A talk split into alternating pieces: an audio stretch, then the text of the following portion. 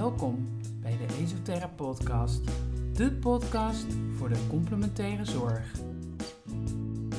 In deze podcast begeef ik me in de wereld van de complementaire zorg. Een wereld die me al jarenlang fascineert.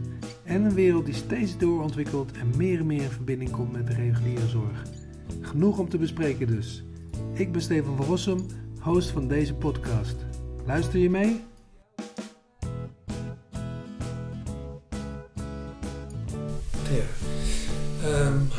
Bedankt dat ik even langs mocht komen bij jou. Ehm, wat een prachtig pand. Waar zit jij in? Dit is een, eh, een huis wat uh, graaf van Rechteren Limburg in 1891 heeft laten bouwen voor zijn vrouw. Alleen deze man, uh, ik ben nauw in verbinding met mensen met problemen. Dus ook mijn kantoor zit in een huis van een man die gokverslaving had.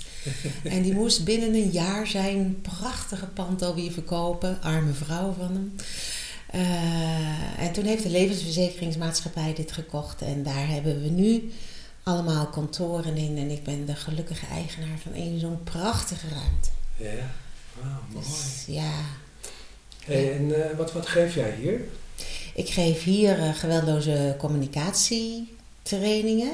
Ook wel verbindende communicatie door velen genoemd. Uh, omdat het woord geweldloos zoveel associaties met fysiek geweld op schijnt te leveren, wat begrijpelijk is. Um, maar um, het is bedoeld, de, het doel van geweldloze communicatie is verbinding te realiseren.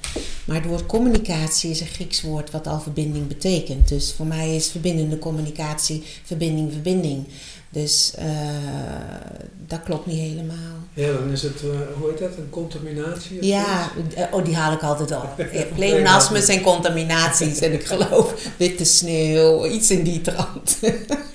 maar ik ja. moet ook wel zeggen, het klinkt voor mij wel beter, want geweldloos, dan denk je toch inderdaad eerst aan geweld. Ja, hè? ik dat weet is het. Misschien ook ja. nog wel eens ooit geleerd, maar ik weet niet of het zo is, maar uh, ja, hoe zeg je dat? Alles waar je, uh, waar je niet aan denkt of zo. Hè? Of, of je, moet, je moet niet zeggen van nou, ik wil, uh, ik, ik, wil niet meer dat doen, maar je moet het tegenovergestelde doen. Ja, als je tegen een kind zegt niet de straat overlopen, dan zal het kind horen de straat overlopen. Want de hersenen kunnen het woordje niet, niet horen. Ja. Dus die missen het woordje niet.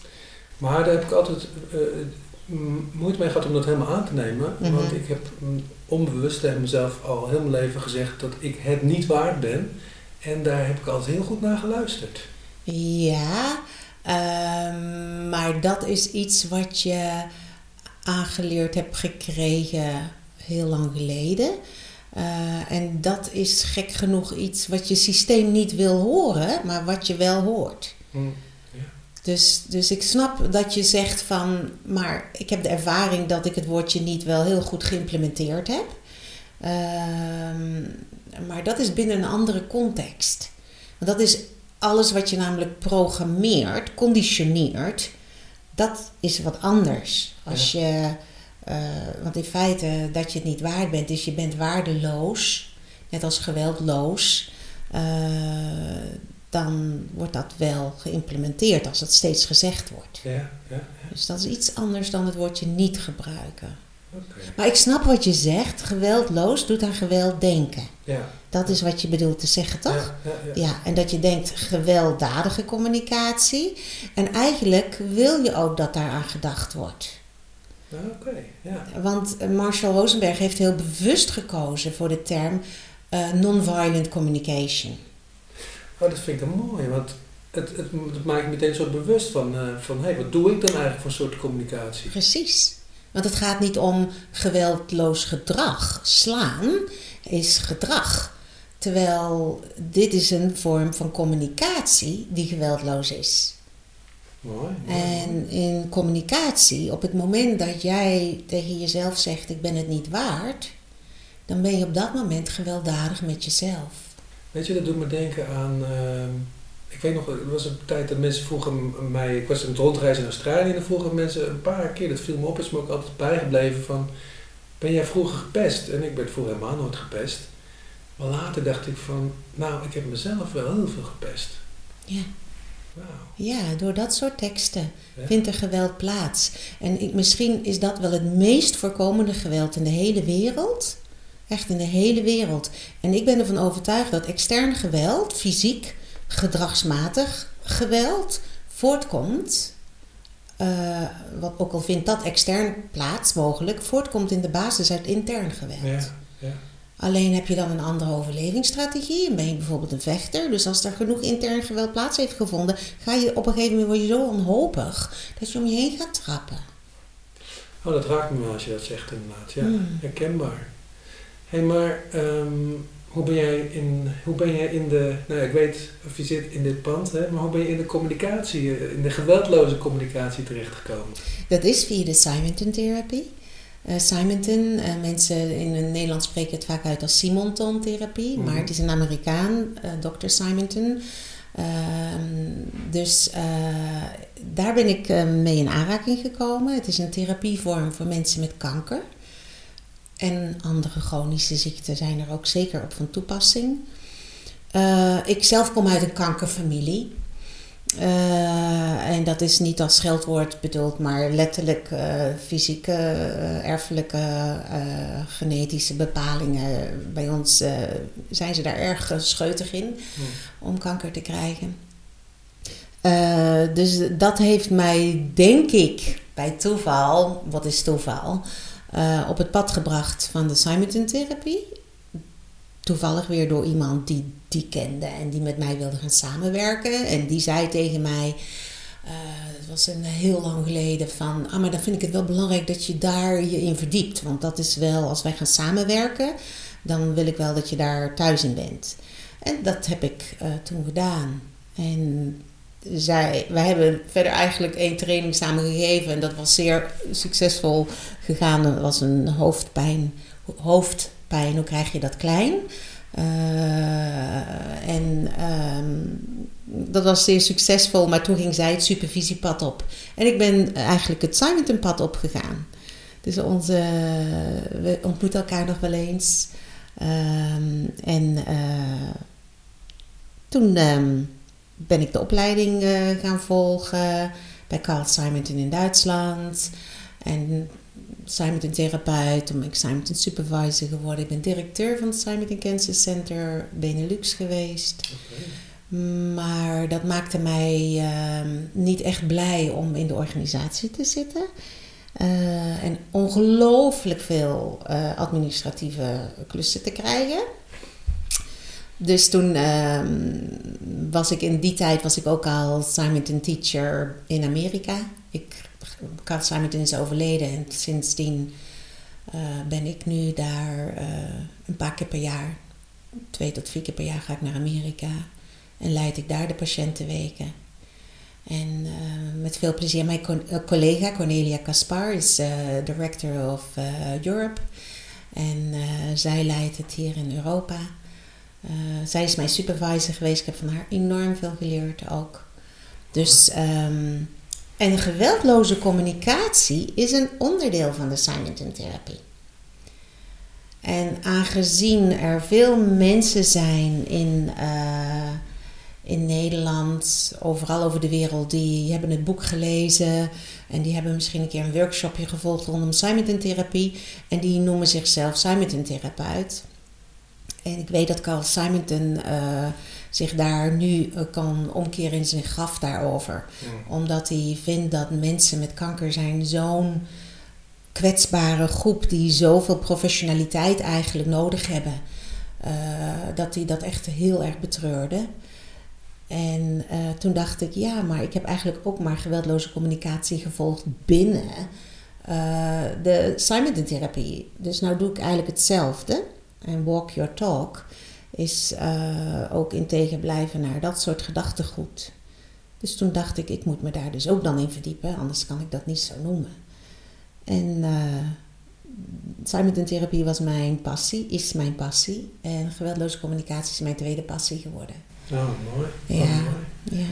Hey, en uh, voordat ik alles wil weten over geweldloze communicatie, wat, nog even over Simonton-therapie. Um, wat, wat, wat zijn de, de hoe zeg je dat? Uh, wat is Simonton-therapie? Wat zijn de componenten? Simonton-therapie is een, hoe je de kracht van je eigen geest kunt gebruiken bij kwaliteit van leven en de kans op herstel. En het heeft eigenlijk een heel belangrijk onderdeel daarvan is het werken met overtuigingen. Um, als je bijvoorbeeld uh, de overtuiging hebt uh, die veel kankerpatiënten hebben, ik zal snel doodgaan. Uh, dat is een angst. En de angst alleen al creëert zoveel stresshormonen in je lichaam. En wetenschappelijk is bewezen dat onder stress uh, onze celgroei bevorderende hormonen worden aangemaakt. Dus onze cellen gaan sneller groeien. Terwijl er duidelijk iets in die celgroei niet helemaal gewenst verloopt. Uh, en ons immuunsysteem onder stress zakt. Dat is gewoon bewezen. Ja. Dus stress bij het hebben van bijvoorbeeld kanker is een zeer ongezonde context. En uh, wij werken dus heel veel met de emoties. Dus als jij jezelf vertelt, ik zal snel doodgaan, dan word je daar meestal niet heel erg vrolijk van. Alleen als je suicidaal bent, word je daar vrolijk van. Uh, maar verder niet. Dus uh, wij gaan dan aan de slag uh, daarmee. En dan is het bijvoorbeeld het belangrijk dat je nieuwe overtuigingen creëert. En ik zal snel doodgaan, dan heb je positief denken. Ik zal oud worden. Hm. Maar ik zal oud worden is net zo'n bullshit als ik zal snel doodgaan. Want dat weten we namelijk niet. Nee. En het is niet in overeenstemming met de natuur. Nee. Want de natuur is onbekend. Ja. Dus het is heel belangrijk dat je overtuigingen ontwikkelt die ook in overeenstemming zijn met de natuur. En bijvoorbeeld een overtuiging kan zijn: um, ik heb een kans om oud te worden. En wat ik daarvoor doe, is van belang. Nou. En ik ben klaar om vandaag de dag te sterven. Of als dat te confronterend is. En ik kan leren om klaar te zijn om vandaag de dag te sterven. Want dat is namelijk de feitelijkheid. Jij en ik kunnen ook vandaag ja. sterven. Ja, mooi. Ja. Dus uh, een overtuiging, uh, een organische overtuiging eigenlijk. Ja. Die in overeenstemming is met de natuur, met de feitelijkheden. Dus dat is geen valse hoop creëren, wat vaak over Dr. Simonton werd gezegd. Hij creëert valse hoop. Maar de, in de Webster Dictionary staat een definitie van hoop.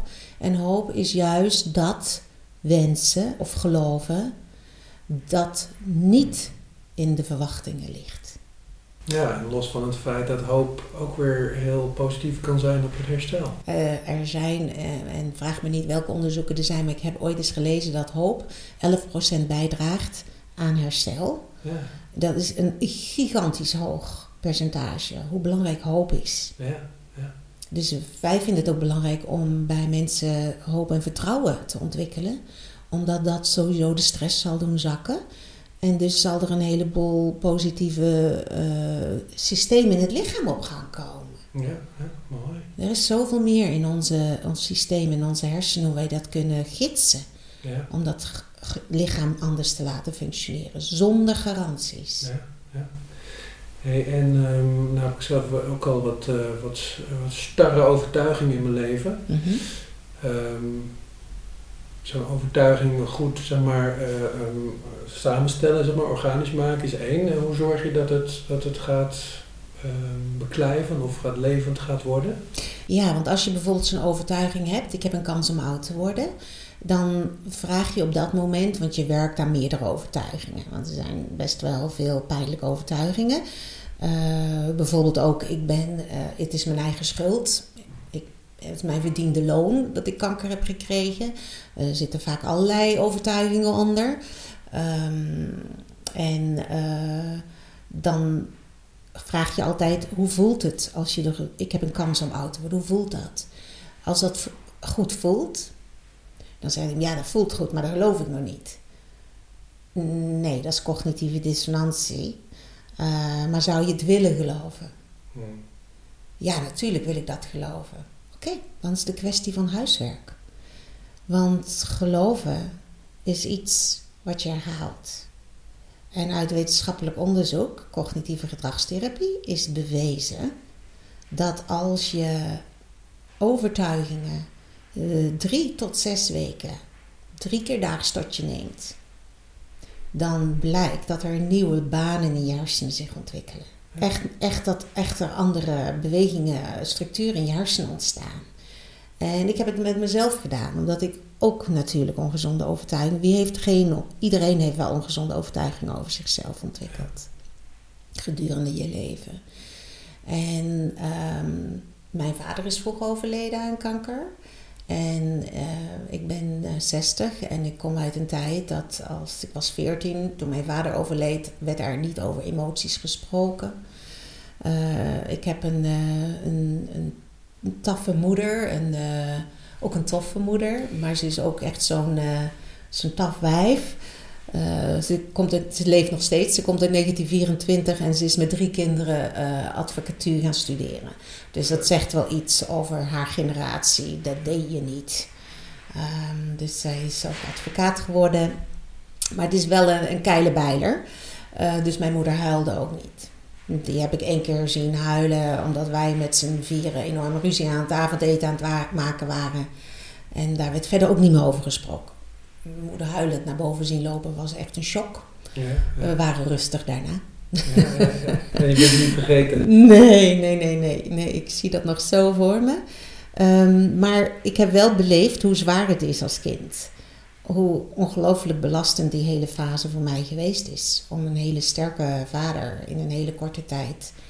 Uh, die tijd waren er ook. Uh, hij heeft een van de eerste chemokuren gehad. Nou, reken maar niet dat je daarvan opknapte. Uh, dus ik heb dat heel emotioneel heel zwaar gehad. Maar ik heb hetzelfde mechanisme als mijn moeder gebruikt.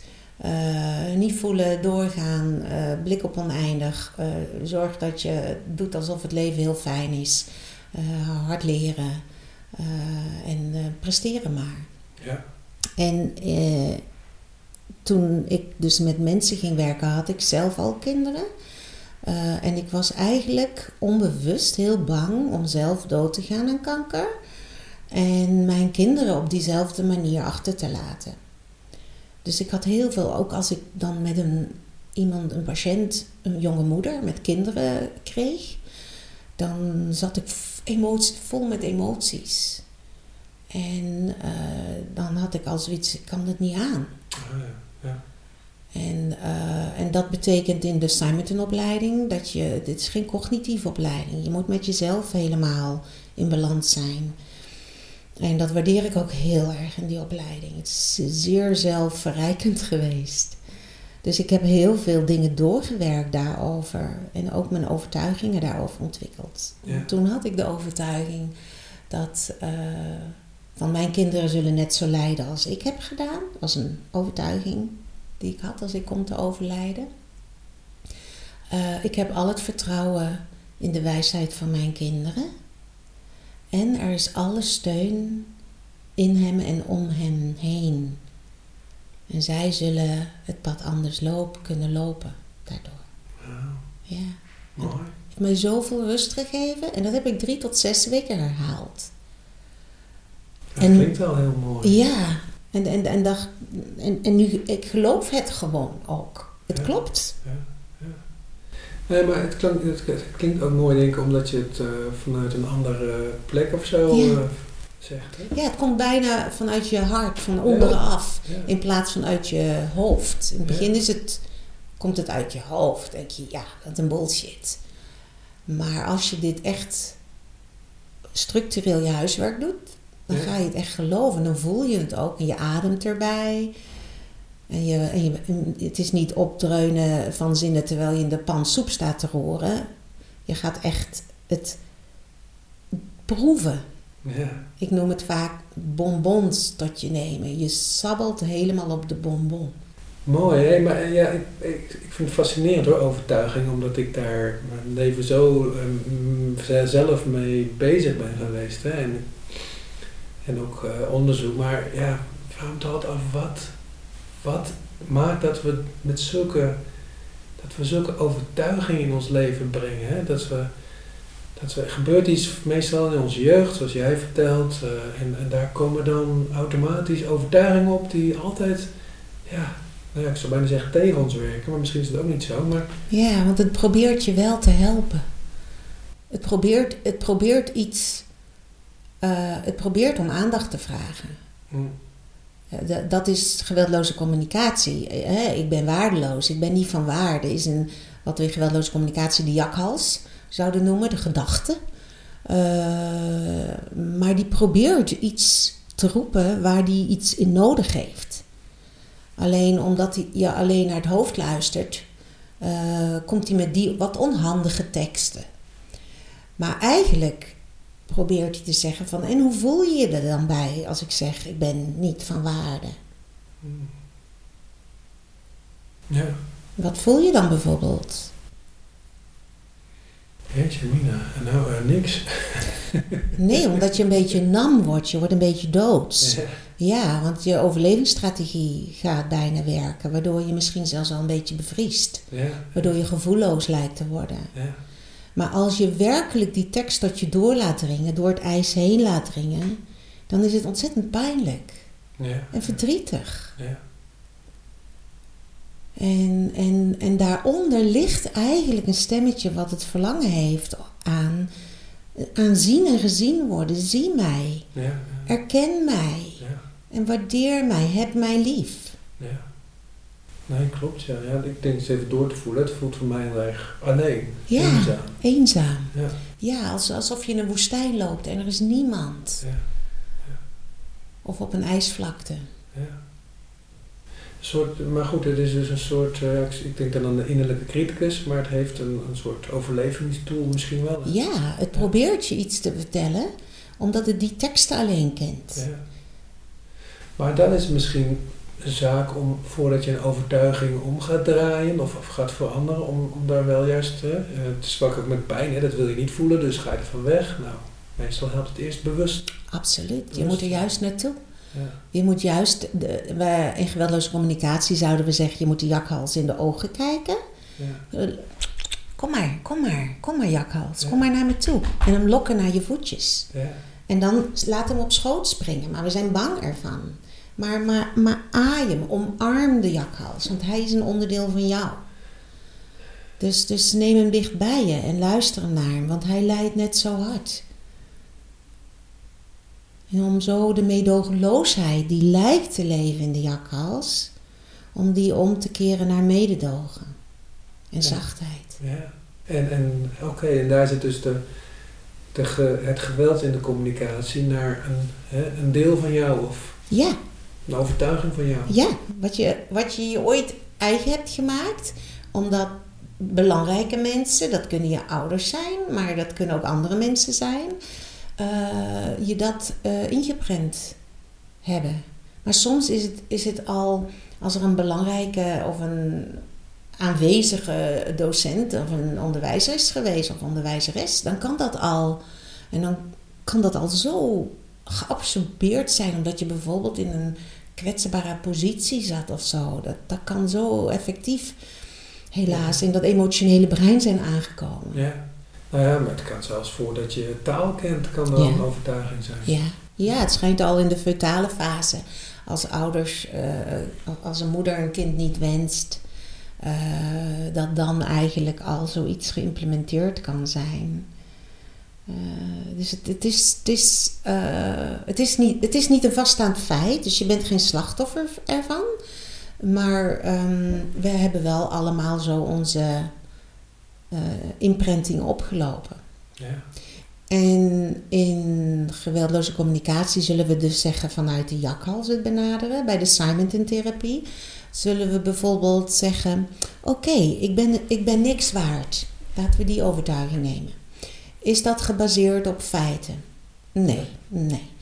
Eh, ehm, soms zeggen mensen van nou, ik heb, tot nu toe helemaal nog niks gepresteerd in mijn leven. Eh, en alles wat ik aanpak lukt- mislukt. Dus ja, ik vind wel dat het een feit is. En dan probeer ik altijd uit te leggen dat er verschil is tussen feitelijkheden en belevingen. Want we beleven vaak dingen zo, of ervaring is ook wat anders dan een feit. Een feit is waar we het over de hele wereld over eens zijn. Een stoel is een stoel en dat vinden we al. Je kan hem ergens anders voor gebruiken Ja. als kledingkast. Maar het blijft een stoel. Ja. We noemen het een stoel. Ja. En eh, ook al heb je niet veel dingen gerealiseerd in je leven, ben je daarom niks waard? Nee, dat is dat je waardevol zijn koppelt aan het presteren. Dat doe je dan. Ja. Dus dat is interessant, maar waarde zit. eh, neem, ik weet niet of ik weet de naam nooit van de eerste Superman die een dwarslezing kreeg. Eh, Ja. Weet je hoe die heet? Ik kan de naam niet onthouden. Eh, zo meteen weet ik Ja, het. en, en die man die kon helemaal niks. Maar die was zeer waardevol. Die heeft zoveel uitgedragen. Terwijl hij alleen maar zijn mond kon bewegen, bij wijze van spreken. Dus het zit niet, waardevol zijn zit niet in presteren. Maar dat is de koppeling die je dan dus maakt. Maar daarmee is het dus niet, ik ben niks waard, een feit. Omdat je bijvoorbeeld niks gepresteerd zou hebben in je leven. Goed, de, de tweede vraag is, ik ben niks waard. Helpt dat je je doelen te bereiken? Nee, en vaak kun je nog zeggen, eh, als ik nou zeg dat ik niks waard ben, dan ga ik mijn korte termijn doelen ga ik harder werken. Want ik moet dus drie keer zoveel doen om te bewijzen dat ik toch wat waard ben, waardoor ik misschien ook net iets bereik. Ja. Dus het kan wel degelijk eh, op het korte termijn doel een, eh, een aanzetmotor zijn. Hm, En daarvoor hebben ouders dat vaak aan kinderen geleerd. ja. Eh, in de hoop dat ze daardoor harder gaan presteren. Ehm, maar de langetermijndoelen zul je niet bereiken, omdat je niet het zelfvertrouwen zult ontwikkelen om op de langetermijndoelen te scoren. Dus het helpt je niet om je doelen te bereiken. En ik ben niks waard, helpt dat je conflicten op te lossen. Extern misschien, want als je zegt ik ben niks waard, zul je eerder je mond houden. Dus zul je minder eh, voor jezelf opkomen. Want je bent toch niks waard. Waardoor je extern misschien minder conflicten zou kunnen hebben. Maar intern heb je wel een conflict. Ja. Je hebt non-stop een intern conflict. Ja. En helpt het je, ik ben niks waard, helpt dat je je leven en je gezondheid te beschermen? Nee. Nee, het creëert stress en pijn en eenzaamheid. En ik ben niks waard, laat je dat voelen zoals je je wilt voelen? Denk het niet. Nee. Nou, dit zijn vijf vragen die eh, psychiater Moltby, M-A-U-L-T-S-B-Y, heeft ontwikkeld naar aanleiding van onderzoek om te onderzoeken of een overtuiging helpend of niet helpend is. Als je op deze vijf vragen drie keer nee hebt geantwoord, is die ongezond. Bij jou, als je zou zeggen dat je een extern conflict vermijdt en eh, misschien de korte termijn doelen behaalt, heb je twee halfjes. Dus heb je vier keer nee. Dus hij is ongezond. En dan creëer je dus een. Maar het is belangrijk, dan creëer je een gezonde, maar het is belangrijk om een motivatie te ontwikkelen en te onderzoeken. Waarom vertel ik mezelf dit? Dat ik niks waard ben. Want alles wat je bent gaan geloven is slechts wat je jezelf vertelt. Ja, precies, ja. Dus waarom doen we dat? Ja. Oké, dus dat is het werken met overtuigingen in de, in de? En ik, ik, ik kan me heel goed voorstellen dat dat heel essentieel is. Ehm, zijn er nog andere onderdelen in de Simonton therapie? Ja, ja. En, en in al die andere onderdelen kan het werken met overtuigingen terugkomen. Ehm, dus dit is het eerste belangrijkste eh, als rode draad door het programma heen lopende tool, gereedschap. Ehm, daarna focussen, focussen we juist heel erg op vreugde. Vreugde is een van de essentiële dingen om je lichaam eh, gezond te laten verlopen. Uh, dus dus uh, plezier weten we ook dat dat allerlei neurotransmitters en, en endorfines enzovoort aanzet om die heling brengen en je immuunsysteem versterken. Ja. Dus wij werken ook aan vreugde en het bewustzijn daarvan. En een ander, we vragen de mensen dus ook een lijst te maken van waar, waar haal je vreugde uit in je leven? En zingeving en voldoening. Ja, wat mooi, want dat, dat is nog eens. Meestal ga je de probleemgebieden in, hè? Mm -hmm. Therapie en zo. Nee, we gaan juist op de, waar de krachten van mensen leven, waar ze rijker van worden. En als dan kan dus bovenkomen Bijvoorbeeld, mensen kunnen vreugde beleven aan reizen. En dan zeggen ze ja, maar. En dan beginnen ze te huilen omdat ze bijvoorbeeld niet meer kunnen reizen. Uh, dus ze komen vaak via de vreugde in pijn terecht. Als er emotionele pijn is, gaan wij gelijk dus met het werken met overtuiging aan de slag. Want dan vertel je jezelf onbewust vaak: en ik zal nooit meer reizen. Terwijl dat is iets weer wat je jezelf wijs maakt, wat niet op feiten gebaseerd is. Ja, plus uh, ik zal nooit meer reizen en dat is vreselijk. En dat is vreselijk en dat kan ik niet aan. Dan heeft mijn leven geen zin. Uh, of ik kan nooit meer werken en dan heeft mijn leven geen zin. Uh, want dan koppel je allerlei overtuigingen aan de beleving van werk of reizen, ja. die niet op feiten zijn gebaseerd. Dus um, vreugde is heel erg belangrijk. En uh, een ander onderdeel is ook uh, wat um, is hoop, vertrouwen, purpose of life, je, je, het doel van je leven en innerlijke wijsheid. Er is in ons allemaal, weten we, uh, soms zo haarfijn wat juist is, alleen durven we er niet op te vertrouwen. Mm omdat we geleerd hebben, alles moet wel eerst met de cognitie benaderd worden. Terwijl we soms een innerlijke stem hebben, intuïtie, gut feeling, whatever je het noemt, uh, die ons eigenlijk iets vertellen waar we niet gewend zijn naar te luisteren. Ja. En een mooi voorbeeld is vaak van hoe ben je aan je partner gekomen? Hoe wist je dat het de juiste partner was? Dat zijn van die grote risicovolle dingen waar we vaak juist niet de cognitie in volgen, maar waar we heel erg op ons hart in afgaan. En uh, dat wil niet altijd zeggen dat het succesvol is verlopen. Oké. Okay. Uh, gezien het aantal echtscheidingen. Maar misschien was het op dat moment wel de juiste partner. En wil dat nou niet zeggen dat het dus voor het hele leven zo hoeft te zijn. Maar dat dat wel degelijk klopt op dat moment. Dat is weer een overtuiging, hè? Een relatie is pas goed als die... Als die levenslang duurt. Precies. Dus... Uh, dat. Een ander onderdeel is ook uh, de stress en de ziektewinst. Dus wat, leef, wat doet stress met je? Hoe ga je met stress om? En wat zijn je overlevingsstrategieën in stress? Uh, omdat het belangrijk is dat je daar zicht op krijgt, op je stresspatronen. Omdat stress zo'n ongezonde bijdrage levert aan je welzijn. dat geldt voor iedereen. Ja. Alleen niet iedereen is gevoelig voor kanker. Maar bij mij bijvoorbeeld is dat een heel belangrijk issue. Dat ik dus wel gevoelig ben voor kanker. Ja, Dus uh, uh, ik zou ook altijd aanraden om preventief het boek te lezen uh, op weg naar herstel. Omdat ik geloof dat je dingen voor kan zijn. Um, door je levengezondheid, levensgezondheid te bevorderen. Ja, ja, En een ander onderdeel is ook de dood.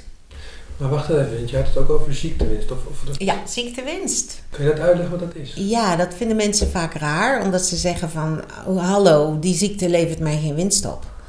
Maar vaak kan het zijn, dat is, het is 12 uur. Ja, 12 uur. ja, de eerste maanden van de maand, 12 uur. Um, ziektewinst kan vaak opleveren dat uh, je niet je, je gezondheid geeft geen winst... Maar bijvoorbeeld, sommige mensen zien het als een verlossing dat ze kunnen stoppen met hun werk. En dat is dus uh, ziektewinst.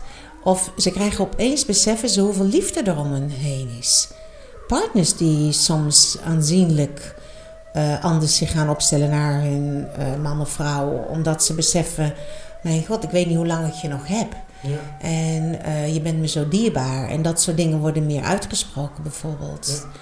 Maar kan een ziektewinst ook een, uh, bijvoorbeeld een bevestiging van een overtuiging, noem je dat ook een ziektewinst? Van zie je wel, ik ben het niet waard? Of? Mm, nee, want dat is geen winst, dat is verlies. Okay. Dat is een ongezonde overtuiging. Ja, oké.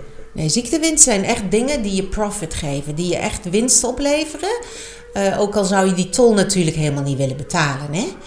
Maar wat belangrijk is, is dat je je bewust wordt wat zijn mijn winsten? Hè, winsten met een apostrofje eromheen, want het is natuurlijk geen echte winst. Maar wat is het bewustzijn, wat is mijn kostbaarheid wat ik hierdoor nu besef dat ik krijg? En dit zijn dingen die we willen dat je implementeert in een gezond leven. Dus dat je weet van, ah, dit tussen mijn partner en mij is dus zo van belang. Dat wij zoveel meer ons uiten nu naar elkaar. En kostbare tijd met elkaar doorbrengen. Dit moeten we vasthouden. Ook als ik weer gezond, fit en vitaal ben. Mm. Dus, hoe, dus wat is je ziektewinst relatief gezien natuurlijk? En hoe kun je dit implementeren in een gezond leven? En het werk wat je bijvoorbeeld verlost van bent, ga niet terug naar het werk. Ja. Of zorg dat er een reden waarom dat werk niet fijn was, dat dat verandert. Pak je eigenaarschap ja. over dat waar je dus nu de winst uit ervaart en zorg dat dat dus verandert. Dus bewustzijn creëren op al die facetten. Ja, ja, ja.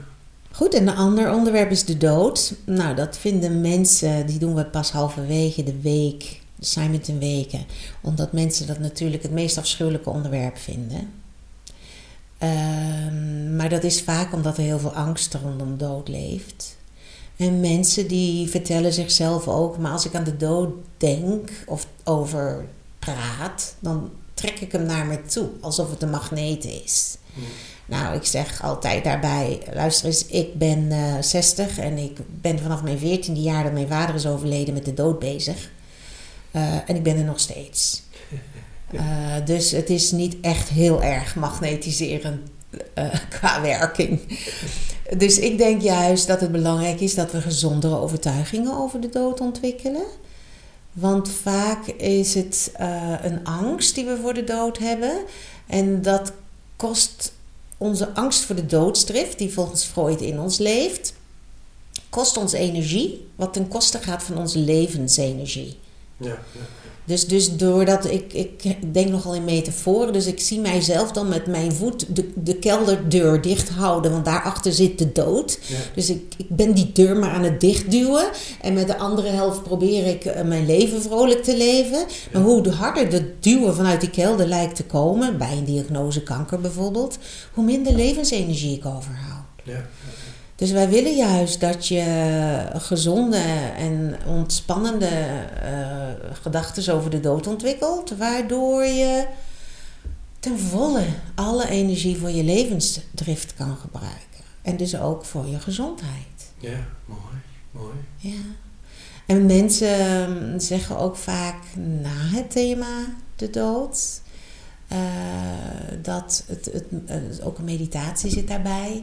Dat het, eh, het de, de meest helpende onderdeel is geweest van de week. Bijna gezegd. Een spel is een onderdeel van de week. Want dat bevordert vreugde en plezier.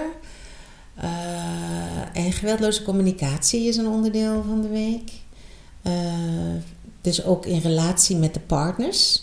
Hoe kan ik beter communiceren met mijn naasten? Mm. Want vaak zijn er issues eh, zoals voeding, eh, computergebruik, op tijd naar bed gaan, het glaasje wijn. Het zijn zulke bekende thema's dat eh, een partners, de gezonde, zover als ze weten, de gezonde partner, ehm, die zich soms als de food police, eh, de voedselpolitie kunnen opstellen.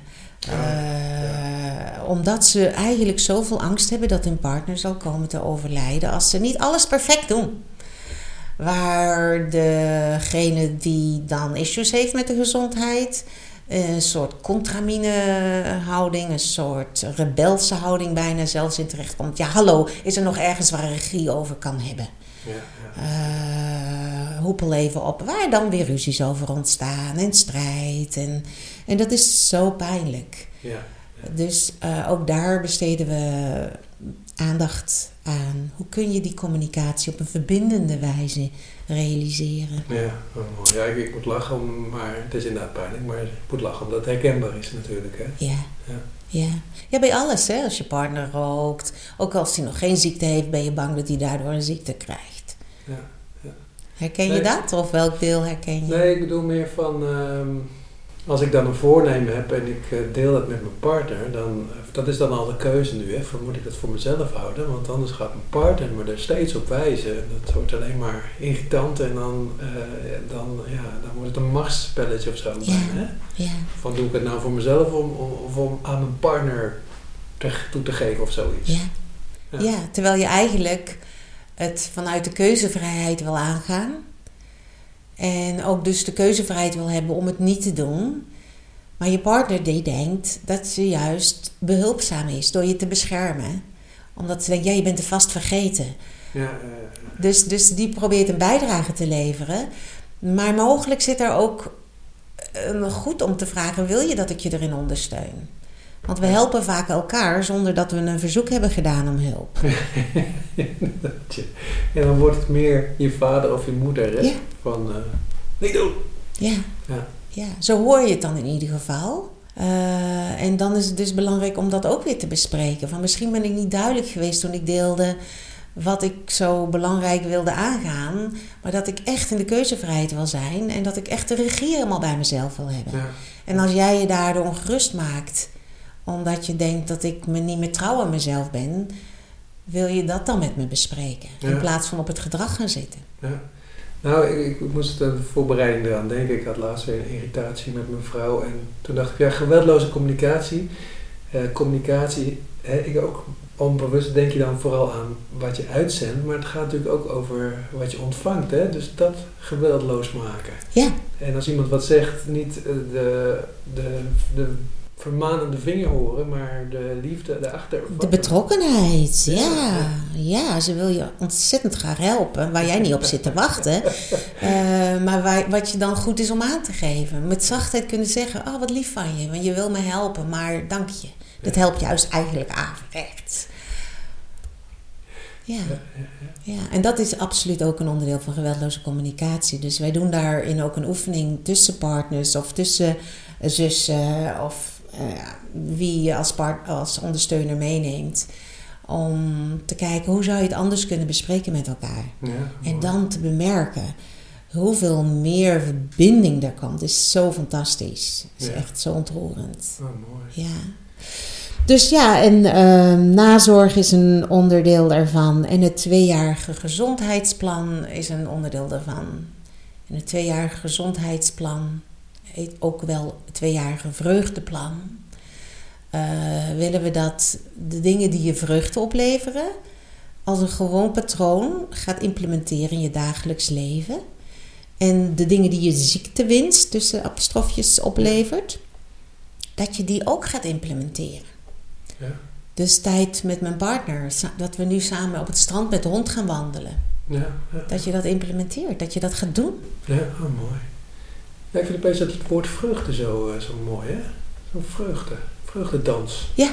Het klinkt zo, eh, zo ja, meer dan plezier, hè? Dieper of zo. Ja, Mooi. ja. Hey, en, eh, en zo beschrijf je dus de, de, de Simultan-therapie en eigenlijk ook de training die, of de week die, die, je daar, die, die je daar ook in geeft. Ja. Ehm, en daar zit geweldloze communicatie in. Ja, dat is een dagdeel. Alles is een dagdeel. Elk thema is een dagdeel. En in Amerika hebben we dan ook nog een dagdeel over hoe het hele immuunsysteem werkt door een immunologist. Eh, omdat we het er ook van houden om het wetenschappelijk te kaderen. Oh, mooi, fijn. Ja. Gewoon op is kennis. Ja. Ja. Hey, en als we dan eh, ehm, die eh, geweldloze communicaties in gaan zoomen, ja, wat, want ja, voor mijn gevoel is dat iets van de laatste tien jaar of zo. Dat snap ik. Dat. De laatste tien jaar is het in Nederland booming business. Ja, ja, ja. Eh, we zijn echt extreem gegroeid eh, in Nederland. We begonnen, maar het is echt al ouder, eh, met twee gecertificeerde trainers. Maar Marshall is er al van de, van de 60 jaren Ja, ja. actief. En Marshall Rosenberg, dat is de founder, de oprichter van het gedachtegoed. Ja, ja. Ja, natuurlijk moet het in de jaren 60 begonnen zijn, hè? Ja, Geweldloze communicatie. ja. Hey, en eh, wat, wat is daar specifiek aan? Kun je daar wat over vertellen? Geweldloze communicatie is, ehm, nou wat we net al zeiden, er vindt het meeste geweld in onze eigen denken plaats. En eh, het bewustzijn ontwikkelen op het geweld wat er in je denken plaatsvindt, is de eerste stap. Want waar we geen bewustzijn op hebben, kunnen we ook niks mee. Nee, nee, nee. Dat is altijd wel de sleutel eigenlijk, hè? Bewustzijn. Ja. En als je je dat bewust wordt, en ook welke overlevingsstrategieën je in gang zet, als je namelijk in een stresserende context terechtkomt, heeft ieder zijn eigen overlevingsstrategieën. Uh, en die zijn meestal niet meer helpend. Ze proberen je te helpen, maar ze zijn niet zo heel effectief. Mm, ja, oké. Dus bijvoorbeeld de vechter die gaat in de discussie en in de aanval, of in de fysieke aanval, maar dat kan ook in de verbale aanval zijn. Um, en die is vaak op zoek naar verbinding en erkenning. Um, maar meestal werkt het niet zo verbindend. Ik zelf ben een vechter. Ik heb een zeer langdurige relatie met mijn man. Uh, vanaf mijn achttiende jaar al. Maar is zeker niet over rozen gegaan. In ieder geval een heleboel doorns. en uh, mijn man uh, heeft een, een vluchtstrategie. Ja. Uh, wat hij zeer moeilijk vond lange tijd om te accepteren. Want in onze socialisatie van mannen en vrouwen zit er toch iets van man, sleep, man met knots sleept vrouw naar hol. Mm. En het is wat verwarrend als vrouw met knots sleept man naar hol. Uh, dat is toch een beetje moeilijk om op te pakken als man zijnde. Uh, maar ik ben een vechter en hij is een vluchter.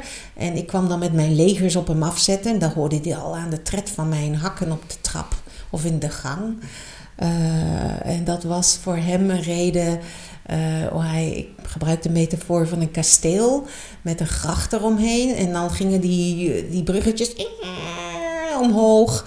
En als er nog meer kabaal en leger troepen op hem afkwamen, dan gingen de ijzeren uh, luiken voor de poorten naar beneden dicht.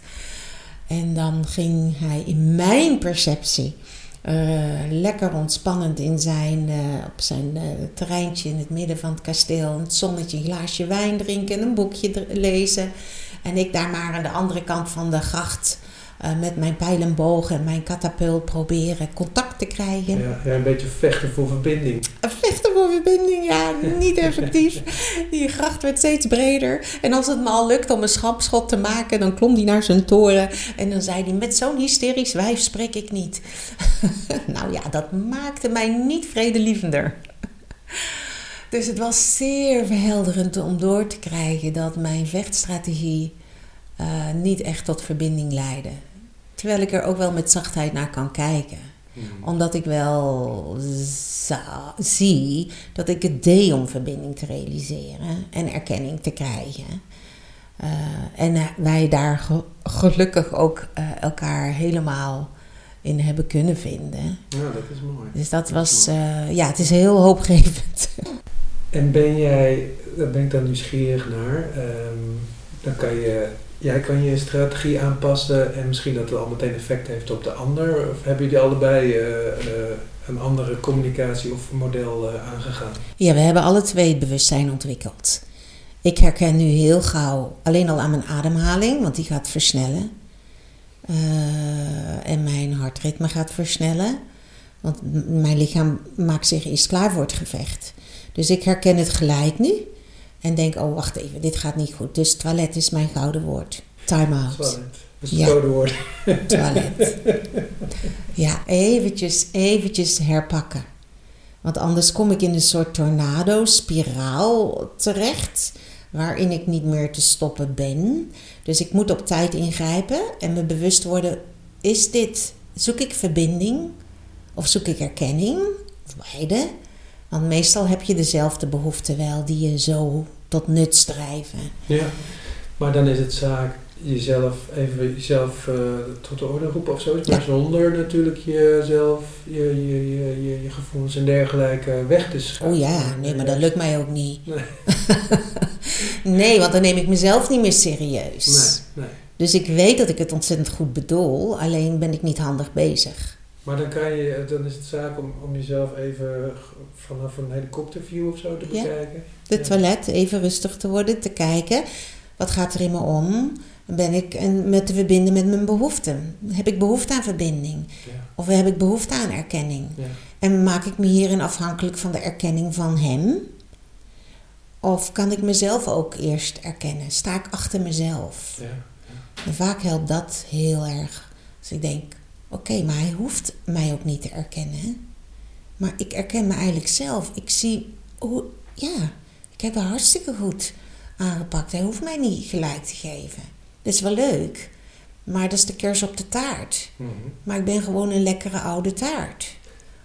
Ook zonder de kers. Ik kan me dat zo in relaties het meest eh, duidelijk voor de beeld, eh, voor, het, voor, voor de oog krijgen. Mm, maar ik kan me ook heel goed voorstellen dat voor een therapeut het ook essentieel is om, om hier bewust mee om te gaan, hè, met communicatie. Ja. En geweldloos te maken. Eh, met zichzelf en met de ander bedoel je? Ja, nou ja, goed, ik was jezelf vergeten eigenlijk, hè, maar nou ja, dat doet me dan weer denken aan, aan een vorige vraag die ik had nog. Ehm, jij zei eerder van, eh, dat je dankbaar was dat je ook in die Simonton-opleiding ook met jezelf aan de slag bent gegaan. Hè? Ehm, daarin geef je aan, of is mijn vraag, dat is dus essentieel voor een therapeut, of is het essentieel voor een therapeut om, om, om daar zelf eh, onderzoek of, of, of, of diepgang in te hebben gedaan? Ja, dat is natuurlijk een visie die ik heb. En daar zeg ik ja op. Eh, omdat het mijn visie is dat het essentieel is voor een therapeut. Omdat ik denk, maar ik weet dat dat niet gemeengoed is, maar ik heb na het VWO heb ik eh, elk jaar ben ik aan het studeren geweest. Er is geen jaar voorbij gegaan. Ik denk afgelopen jaar voor het eerst niet. Eh, dus en toen ik de Simonton-therapie ben gaan doen, heb ik meer geleerd dan in al die opleidingen daarvoor. Ik ben ook hypnotherapeut, ik heb het zoveel gedaan. En dat heb ik allemaal wel, was heel interessant. Ja. Maar ik ben nooit eigenlijk in die blinde vlekken in mezelf terechtgekomen. Ehm, en ook geweldloze communicatie heeft dat veel verder nog verdiept. Omdat ik denk dat eh, het gaat heel en goed hoor als therapeut, als ik niet aan mezelf werk. Maar er zijn situaties waarin ik terechtkom, waarin ik dan merk, wacht even, nu ga ik duwen. Nu raak ik te betrokken, te gepassioneerd. Wacht even, dit gaat niet meer over de ander, dit gaat over mij. En soms als therapeut herken ik mezelf dat ik wilde fixen. Ja. En dat ik daarin ook een stuk erkenning probeerde te realiseren. Want als de ander goed in zijn vel zit, heb ik het goed gedaan. Ja. Dat is een behoorlijk eh, slippery ground. Dat is Ja. behoorlijk eh, riskant. En als de cliënt dan niet ergens doorheen komt, misschien wel omdat ik loop te duwen, eh, dan kan ik de ander aanvallen. Ja, dat is ongemotiveerde cliënt. Ja, nou ja, het is ook een shopper eigenlijk. En ja, het ligt aan de cliënt of eh, het ligt aan mij. En beide is niet helpend. Nee, nee, nee. Oké, ik ben het met je eens, hè, maar het is goed om, het, om te horen van, ja, dat dus zelf, eh, zelf eh, kennis of zelfonderzoek Onderzoek, ja. essentieel is. En misschien ook wel zelf-evaluatie essentieel blijft ook, hè. Ja, Jij zegt van als ik voel dat ik deal of misschien een aandrang krijg, dan, dan ben ik daar alert op. Ja. Ja. Nou ja, kijk naar wat er gebeurt. Jij neemt bijvoorbeeld je voorbeeld van dat je een goed voornemen neemt en dat deel je met je partner. En zij gaat duwen, omdat ze denkt je daarbij te helpen. Dus ze gaat je duwen omdat ze, je- ze ziet dat je even stilstaat of misschien een stapje terug hebt gezet. Dus ze gaat je helpen. En dan ga je tegenduwen. Ja. Dus is het de vraag, wat doet duwen eigenlijk? Hoe kun je eigenlijk helemaal het ritme zo van de ander volgen dat als iemand even stopt met dansen of stopt met bewegen, wat leeft er op dat moment in die ander? Dus om werkelijk helemaal bij de wijsheid van die ander aan te sluiten en daarin mee te bewegen en te onderzoeken wat is er dan in de stilstand? Of wat is in de stap terug daar? Nou, mooi. hè. Nou ja, het, voelde inderdaad precies als duwen. En dat gaf mij weer het gevoel van, je doet het niet goed, je bent het niet waard. Dus Ja. dan zijn we weer bij, bij het begin. Ja. Terwijl het ging om, om, om een, weet ik veel, een paaseitje of zo, weet je wel. Ja, ja, ja. Ja, en dat is dan zo boeiend om te bemerken, om te voelen dat als ik geduwd word, dan gebeurt er iets in mijn systeem. En dan is dat weer zelfonderzoek. Van, ah, wat gebeurt er bij mij als ik dus ervaar dat ik word geduwd door mensen? Ah, dan vertel ik mezelf dat ik te stom ben om het zelf te kunnen. Eh, en dat ik dus eigenlijk een loze ben en dus eigenlijk niks waard ben. En oh ja, eigenlijk moet ik gewoon maar blijven zitten waar ik zit. En nou ja, dan is dan paaseitje ook nog wel. Ach, ik ben toch een afvalbak, wat maakt dat paaseitje dan nog uit? Ja, ja, ja, dat kan er ook wel in. Dus, dus, dus de, maar boeiend is dat juist, om dat te onderzoeken. Want hoe pijnlijk is het eigenlijk? Om, om te horen hoe je met jezelf dan als afvalbak bijvoorbeeld omgaat. Ja, maar ook hoe, uh, hoe snel je eigenlijk in het dagelijks leven bij een, een oerpijn uh, zit. Hè? Ja, je oerovertuigingen en die zoveel oerpijn geven. Ja. En dat met de liefdevolste bedoelingen iemand je onbedoeld in die oerpijn helpt te belanden. Wat eigenlijk een cadeautje is. Dat zegt Marcel Rosenberg dan. Hè? Als je getriggerd wordt, is dat een cadeautje. Want het is een kans om iets heel pijnlijks in jezelf te ontdekken. En, en je daar liefdevolle zorg voor uh, in gang te zetten van jezelf. Oké, dus uh, geweldloze communicatie. Um, uh, en, en we vragen, ik stel twee vragen achter elkaar, maar volgens mij is wel duidelijk dat voor een therapeut het heel, heel belangrijk is om, om vanuit die hoek te werken en niet vanuit inderdaad het duwen. Hè. Er zit ook wel een soort agressie in of een ja, een bepaald doel proberen na te streven of zo.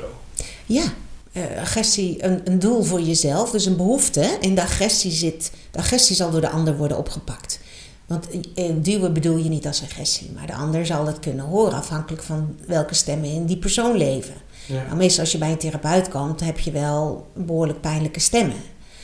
Dus duwen zal gauw als agressie binnen kunnen komen en je overlevingsstrategie in gang zetten. Of je gaat dus terugvechten en komt in ruzie terecht.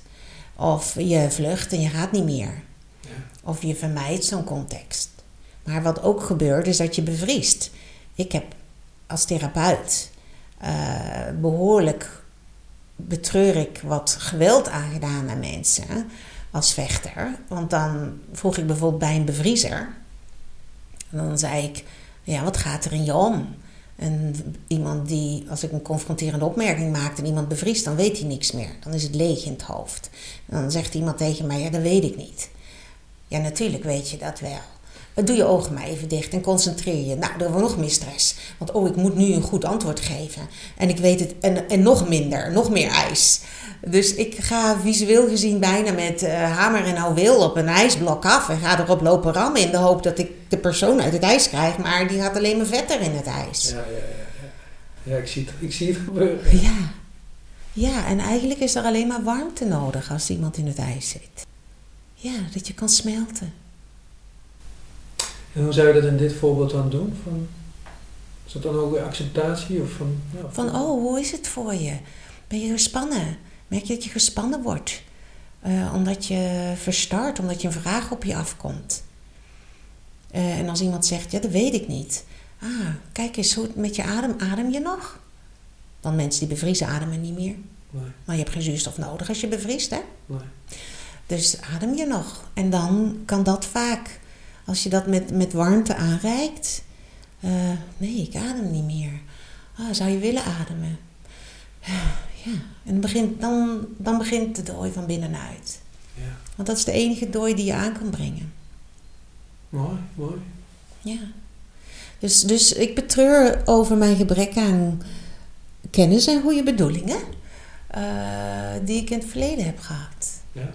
Nu heb ik een artikel van jou gelezen en ook op jouw site staan uh, hele lijsten met, uh, met gevoelens of met, met, uh, met nuances van gevoelens. Hè? kun je daar nog wat over vertellen? Ja, er zijn een heleboel gevoelens. we zijn gewend om te praten. Hoe gaat het met je? goed of slecht? Nou, goed en slecht zijn geen gevoelens. Goed en slecht zijn oordelen over onze constitutie, hoe we erbij zitten. Uh, dus dan, wij hebben niet geleerd om in gevoelens te denken. En andere gevoelens die we allemaal nog wel kennen zijn de vier B's: boos, bang, blij en bedroefd. Uh, dat kunnen, die kennen we dan ook nog wel. Ja. Maar er is, is allerlei differentiatie mogelijk. Want um, uh, ja, als je boos bent, kan je geïrriteerd zijn, maar kan je ook licht geprikkeld zijn of gefrustreerd of uh, en vaak onder boosheid zit machteloos. Uh, ik voel me machteloos en dat drijft een krachtenveld in je aan. Dus het is belangrijk om dieper te kijken van welke gevoelens leven er in mij. En op het moment dat je vanuit je denken, dat is je cognitieve brein, de neocortex die in de buitenkant van je hoofd zit, uh, naar je gevoelens gaat, op dat moment, als je dat alleen al onderzoekt, ga je meer naar je emotionele brein, uh, wat in de kern van je hoofd zit, op de meest veilige plek, wat vanaf je geboorte ook aanwezig is. Je cognitieve brein ontwikkelt zich tot je 25ste. Um, en je emotionele brein, daar leven je gevoelens, maar daar leven ook je behoeften.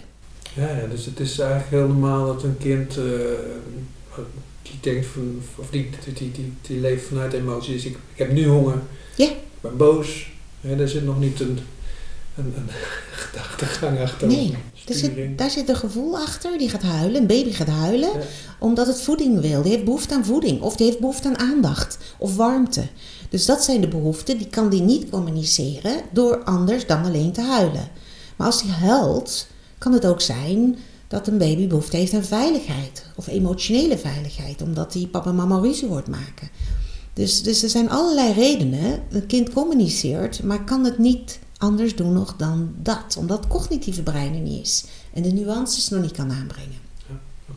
Maar ook een opgroeiend kind is het belangrijk dat we die helpen als volwassenen juist om verfijning in, onder het gedrag. Als een kind met zijn hoofd tegen de muur aan slaat, uh, dan is die boos of is die machteloos of gefrustreerd of wanhopig. Dus uh, probeer te tunen wat gaat er in het kind om aan gevoelens.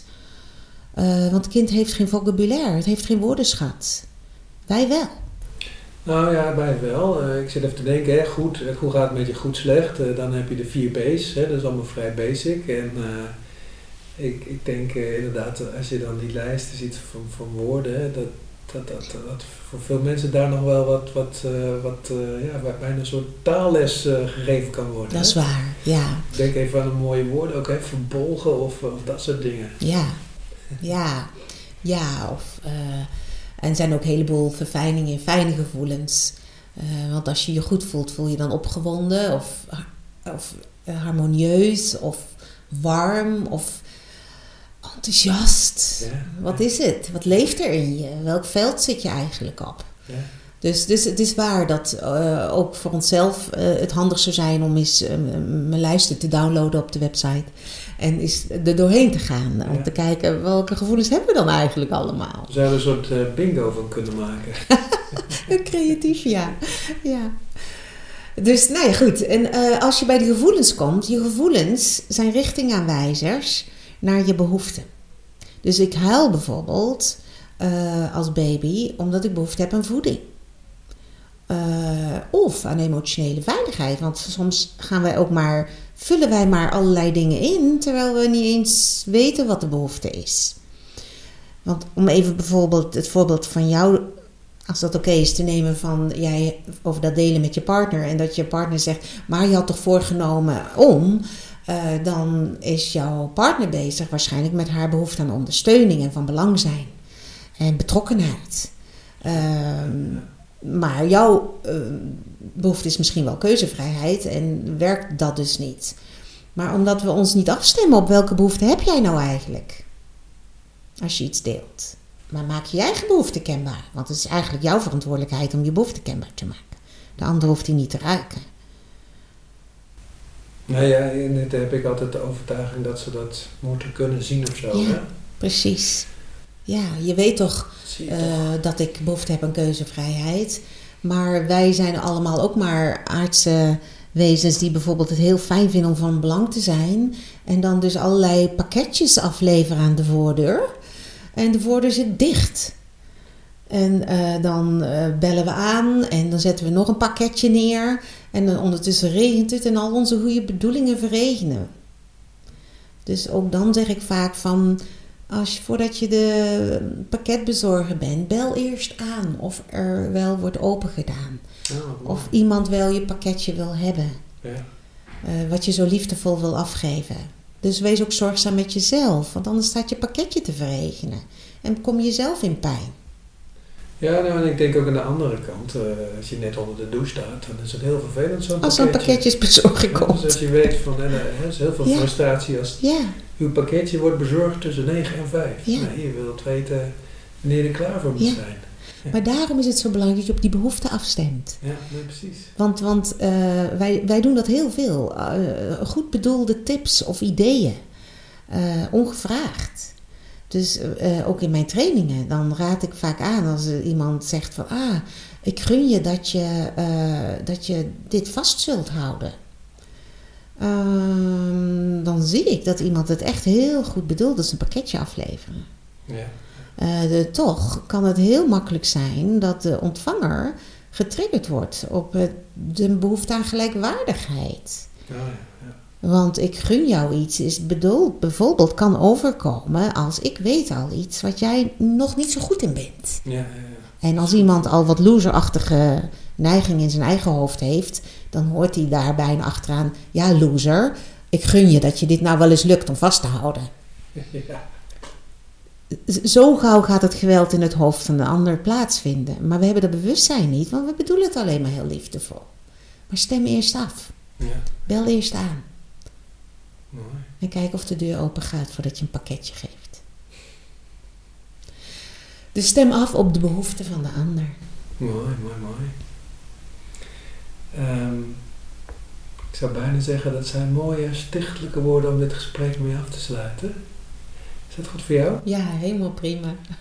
Ik wil je ontzettend bedanken voor de pakketjes die je vandaag hebt bezorgd bij mij en bij de luisteraars. Ik ben hartstikke bedankt. Ja, graag gedaan. En dank je wel voor het vertrouwen dat je hebt gehad om mij eh, uit te nodigen voor je podcast.